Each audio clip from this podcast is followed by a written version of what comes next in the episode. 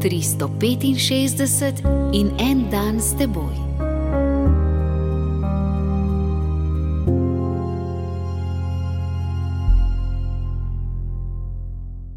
Iz pisma Galačanom, šesto poglavje, 14. vrstica.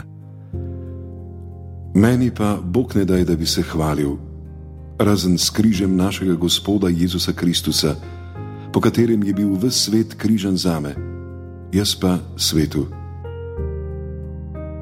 Frančišek, toliko stoletij po tvojem kratkem bivanju na zemlji, rojen si bil 1182 in umrl 1226, je tvoje izpričevanje vere še vedno sveže, kakor da se je pravkar pojavilo.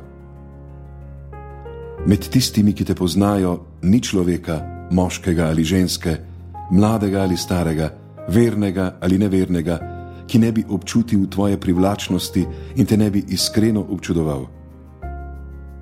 Frančišek, ti nam kažeš, kakšno veličino lahko doseže človeško bitje, če v celoti sprejme Kristusa, iskreno in brez dvoličnosti.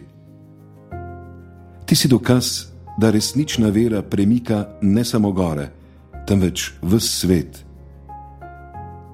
Včasih nas zavaja misel, da nam bo svet prisluhnil, če bomo paktirali s feministkami, s homoseksualci, z okoljevarstveniki in z ne vem komu se.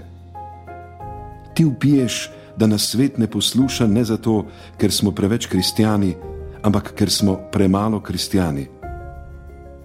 Frančišek, kaj bi se zgodilo na svetu danes, če bi bilo deset takšnih kristijanov, kakor ti? Če samo pomislim, me kar spreleti. Frančišek, in če bi bil jaz vsaj malo podoben tebi, kaj bi se zgodilo tam, kjer živim in delam?